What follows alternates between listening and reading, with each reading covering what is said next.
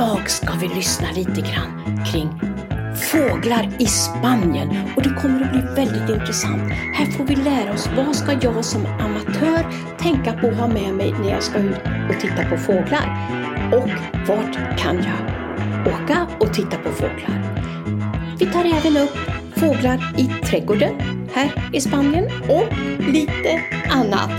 Mycket spännande avsnitt. Välkommen Håkan! Tack Kristina. Och då vill jag veta, vad, vem är du? Ja, Håkan heter jag. Jag kommer från norra Uppland vid nedre Dalälven. Jag är 71 år, bor numera i Spanien. Och du har ett intresse. Ja, jag har varit fågelskådare sedan jag var barn och är det fortfarande. Och det här intresset för fåglar, det började redan när du var ett litet barn och du strövade omkring i markerna eh, där uppe vid Gysinge. Och, Precis, det var väl 11-12 års åldern och jag hade en granne som var väldigt duktig på att svara på mina nyfikna frågor. Så den vägen är det. vad var det du fascinerades av från början? Det var väl, jag var, blev intresserad av fåglar och ville ju veta vad, vad är det för slags fågel. Och så fick man börja med att köpa fågelbok och man fick en kikare och så vidare. Så det har fortsatt hela livet. Ja, och eh, om jag nu som en nybörjare här vill börja titta på fåglar. Är det någon speciell utrustning jag ska tänka på i första hand? Ja, en kikare. Men jag har, och det finns ju i, prislägen för en tusenlapp upp till 20 000. Och eh, gärna en bra fågelbok eller en app som det finns numera med, med eh, Fågelguiden som den heter som täcker då både Sverige och hela Spanien och hela Europa. Men jag tänker mig om jag nu har den här fågelboken och sen ska jag titta. Jag tror det är svårt för mig att hitta fåglarna i den här fågelboken. Är det det? Ja, det, det är det ju. Så att mm, man måste försöka komma med någon som kan om, mycket om fåglar och följa, få följa med ut. Och gärna någon fågelklubb som har utflykter och sånt. Så kan man börja så. Och så lär man sig efterhand hur fåglarna ser ut, hur de beter sig, hur de sjunger på våren och allt sådär. Det är ju faktiskt ett jättebra tips att följa med någon. Men du, om jag tänker då, jag kommer ju också från Sverige och eh, vi pratade då när jag gick i skolan om flytt och stannfåglar och det gäller väl fortfarande. Men är det samma för fåglarna i Spanien? Ja, det är det ju. Det är lite andra arter som flyttar här som flyttar till Afrika än i Sverige då.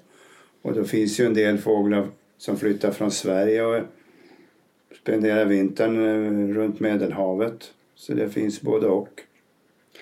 Ja, och om vi då tittar på, det här handlar ju om fåglarna i Spanien eftersom du är här.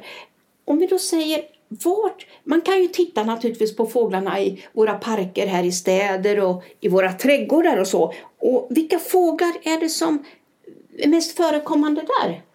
Ja, man kan ju börja med att skåda runt där man bor. Om man då har lite trädgård och sånt så är det ju alltid lite gråsparvar och sen är det ju en fågel som är vanlig i Spanien som är en raritet i Sverige, det är sammetshätta. Så den finns ju här och starar och, då, och den staren som finns här den heter svartstare, den finns inte i Sverige. Svenska staren finns här på vintern. Och, ja. Ja, och eh, om vi säger den här sammetshättan, vad är det för fågel? Är det en jättestor fågel som, en, som, som eh, ett höns eller hur? hur? Nej, det, det är en liten sångare som är grå och hannen har svart huvud så den heter Cabeza negra på, på spanska då, så det blir svart huvud. Och, och den lär man sig känna igen och den har rött öga så det, den har, kan man ha från, i trädgården och den, den, den syns här. Det är väl den vanligaste trädgårdsfågeln förutom gråsparv. Då är den van lite grann med människor när man är ute och... Ja, precis. Den är ju inte rädd för människor. Så att du har ju haft turen att haft sammetshäckta häckande här i trädgården. Ja, den precis. finns fortfarande här nu. Ja, det är ju väldigt intressant. Ja, sen finns det ju koltrastar och så. Sen finns det andra fåglar som ser ut som de har någon slags fjäderskrud här uppe på huvudet också. Ja, de är lite större de, om du tänker på härfågel kanske. Och de som spelar golf eh, känner ju till härfågeln. Den finns ju ofta på golfbanorna. Och det är en väldigt vacker fågel.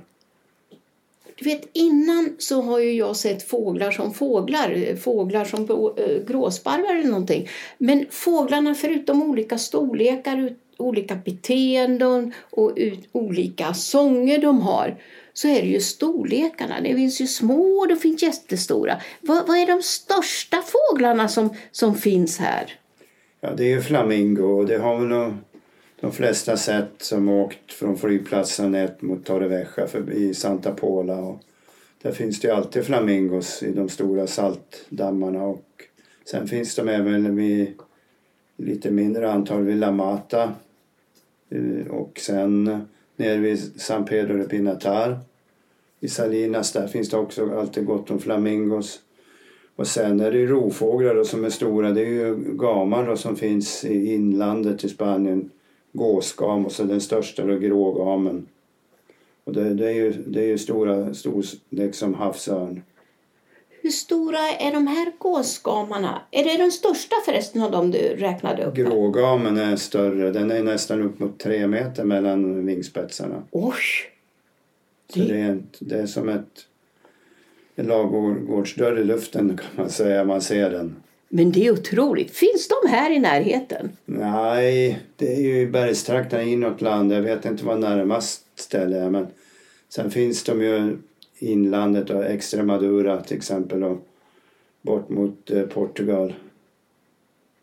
Ja, spännande. Så det finns alltså både små och stora fåglar. Och eh, om vi då tittar på vart vi har pratat om trädgårdar och lite parker där vi bor i städerna, men det är ju mer de som är vana vid människor.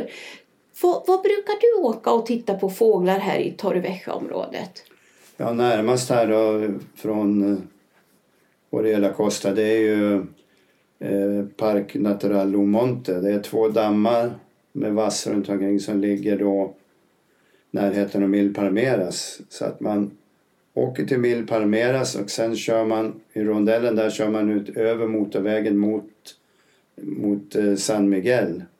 Och där är det en lång raksträcka och när raksträckan tar slut så står det en liten skylt med Lomonte. Där svänger man in och följer den vägen några hundra meter så kan man parkera där och gå upp till de två dammarna. Och där finns det en fin fikaplats och flera gömslen man kan sitta i och, och spana ut över, över dammarna utan att störa fåglarna.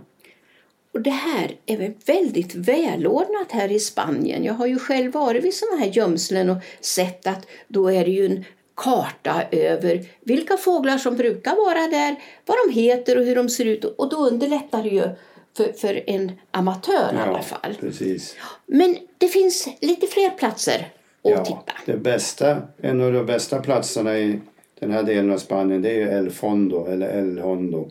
Det också heter. Och det ligger då eh, nordväst om Torrevieja cirka ja, tre och en halv mil. Då kör man upp motorvägen mot Alicante och eh, svänger man av avfart Murcia och sen kör man, följer man vägen mot San Felipe och genom den lilla byn sen kommer man ja, efter knappt en kilometer så står det en skylt. Park Natural El Hondo, El Fondo. Och där är det informationscenter man kan få, få lite information och så kan man gå runt där bland gömslen och det, det är våtmarksområden och det är spångar att gå på. Man behöver inte ha något mer än vanliga skor på fötterna. Det är väldigt bra ordnat och toaletter finns det där och fikaplatser.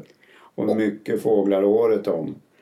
Ja, och du sa en väldigt viktig sak. När man kommer ut så här i naturen och ser fåglar så blir det ju mer och mer intressant och man hör ju saker och vill veta var är de och så vidare. Och då tar det lite tid. Då är det väl väldigt bra att ha lite fika med sig. Ja, det ingår ju liksom i utrustningen.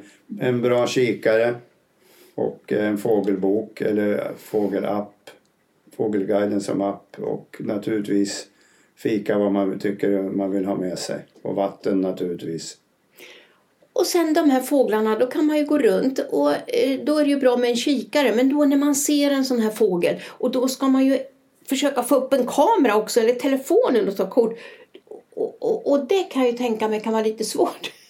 Ja, är man inte gömsle så kan man får man ju lägga tid och sitta och vänta. Och, och har man då en bra kamera, eh, jag har bara en kompaktkamera men med eh, mycket zoom så att den är bra för att dokumentera. Och, och sen många har ju väldigt fina kameror med teleobjektiv och kan ta väldigt fina bilder. Och det är vad man har för intresse och man tycker att det får kosta.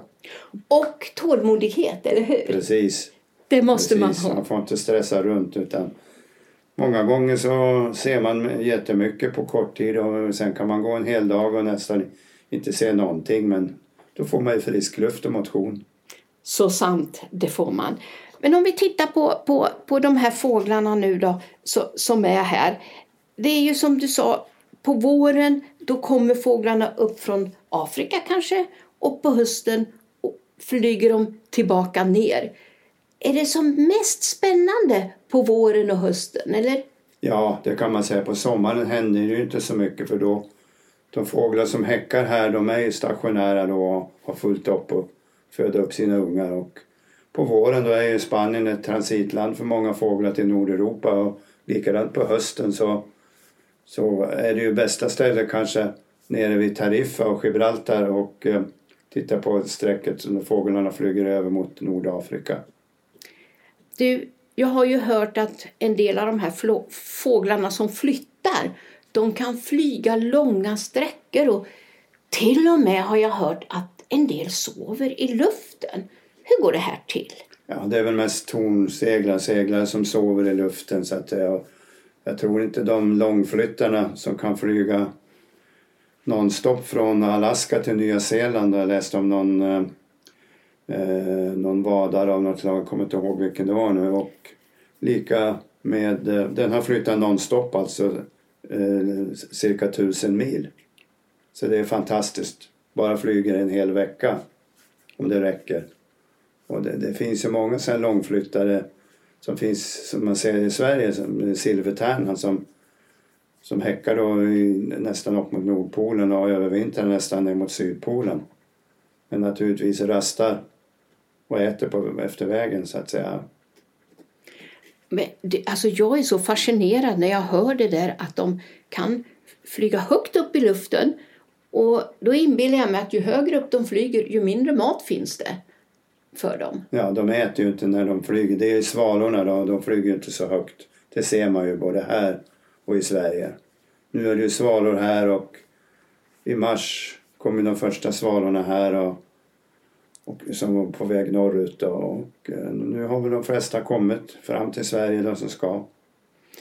Men det, de här flyttar väl då för att eh, de är i ett varmt land på vintern och så kommer de till ett kyligare land på, på sommaren för att häcka. För då ska de para sig och ha ägg och mata ungar och sådär. Men att de klarar det här, alltså ta hand om en familj, mata, det är ju ett ideligen jagande efter mat och sen ska de väl också äta upp sig innan de ska flyga igen?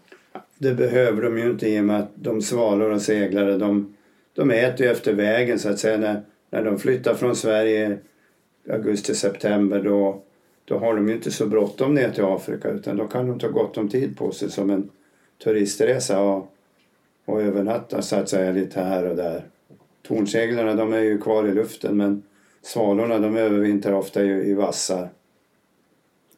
Och sen när de flyger, flyger de alltid tillsammans eller finns det vissa fåglar som, som är mer som ensamvargar? De... Ja, det där är olika. Många flyttar ju flock och många flyttar, flyttar själva. Men de flesta flyttar väl ungefär, de är ju, är ju så att säga kalenderflyttare. De flyttar en viss tid så att säga. Lika på våren då de kommer till Sverige kanske april och jättekallt. Men det vet de ju inte när de lämnar Afrika att det är kallt när de kommer fram. Nej, de är programmerade då ja. på något sätt och orienterade vart de ska. Ja, det är fantastiskt. De hittar ju tillbaks där de är födda. Det, det, det är otroligt, man kan inte tro det är sant. Vi, har, vi människor kan ju irra runt i en stad och inte hitta tillbaka hem igen. Men fåglarna de gör faktiskt det. Ja, det, det händer ju att de får fel på kompassen och flyger fel ibland. Och då blir det att man hittar rariteter i Sverige. Då. Det kan man även hitta rariteter i Spanien som fåglar som flyger för långt från Afrika och, och hamnar här i Spanien någonstans. Eller till och med kommer från över Atlanten med amerikanska fåglar och hittas kanske uppe i Galicien eller någonstans. Ja, du ser. Men om vi nu tittar på fåglarnas utseende. Som jag sa, en del eh, fåglar har jag tyckt att de ungefär ser likadana ut, men de gör ju inte det. Du, de har ju en massa olika färger och beteenden. Du, du pratade tidigare om en, om en fågel med mig som heter biätare. Ja, den är väldigt färggrann och fin. Och har man en fågelbok kan man titta på, annars kan man ju googla fram en biätare. Och de finns ju här lite sparsamt här efter kusten, lite här och där. Och eh, inlandet finns med. De gräver ju ett hål i, i, eh, i sluttningar så att säga. Där, där bygger de bon. Det, det finns lite här runt Quesada har jag sett på några ställen. Och, och inåt land är de ju vanligare. Och de här eh, biätarna, de, har de ett speciellt läte också? Hur vet jag att det är de? Det är svårt att se för mig här på himlen vad det är för fåglar. Ja, det är sånt där man lär sig efterhand. Och jag reagerar ju direkt när jag är ute, ute och så hör jag biätare. De kan ju ofta komma på hög höjd men de har speciellt läte. Och, och har man den Fågelguiden, appen i telefonen, så har man ju sång och läten i, i appen och det är väldigt bra. Plus att man har utbredningskartor och beskrivning på fågeln. Det där lät ju väldigt bra, för då kan man ju höra en fågel och man undrar vad är det här för fågel egentligen? Så då kan man försöka söka det då. Det finns ju andra appar också. Man kan spela in fågelletet så kan man få fram vad det är för fågel. Ungefär som man shazammar en låt på radio så kan man göra likadant med fåglar. Ah, ja men du ser, det, det, här är ju fantastiskt för att ofta så hör man dem kanske innan man ser dem, är det så? Ja, det är det ofta. Allra helst på våren då när de, när de sjunger och eh, är i ett revir så att säga, då, då sjunger de ju ofta. Men Sen är det ju svårare på, på hösten. Ungfåglar de vet, kan se lite annorlunda ut. Och det, det, är inte, det är inte alla gånger man, man kan bestämma vad man ser. Men då får man släppa det bara och gå vidare. Ja, och du sa det finns ju eh, de här eh, fågelapparna och alltihopa det här. Men när man är fågelskådare och ska gå ut då, brukar, brukar man, eller brukar du göra någon dokumentation över vad, vart har du varit, när och vart och vad har du sett och Ja, förr hade man ju alltid anteckningsbok och penna med sig och i bröstfickan. Men nu är det ju den här Fågelguiden-appen. Där kan man lägga in olika lokaler och sen lägger man in eh, fågelnamn, fågelnamn och så kommer det upp datum och klockslag automatiskt. Så kan man lägga in det så ser man vad jag har sett i Älvholm och vad jag har sett i, ja, på andra ställen. Och man kan ha en lista för sin hemmaträdgård. Man kan ha en lista för mycket som helst, vad, vad man vill. Man kan ha en månadslista, man kan ha en årslista, man kan ha allt vad man tycker är roligt. Ja men du, det låter ju fantastiskt för att det är så trevligt sen man kan gå tillbaka och se vad var det man såg då och, och vilka fåglar var det och så.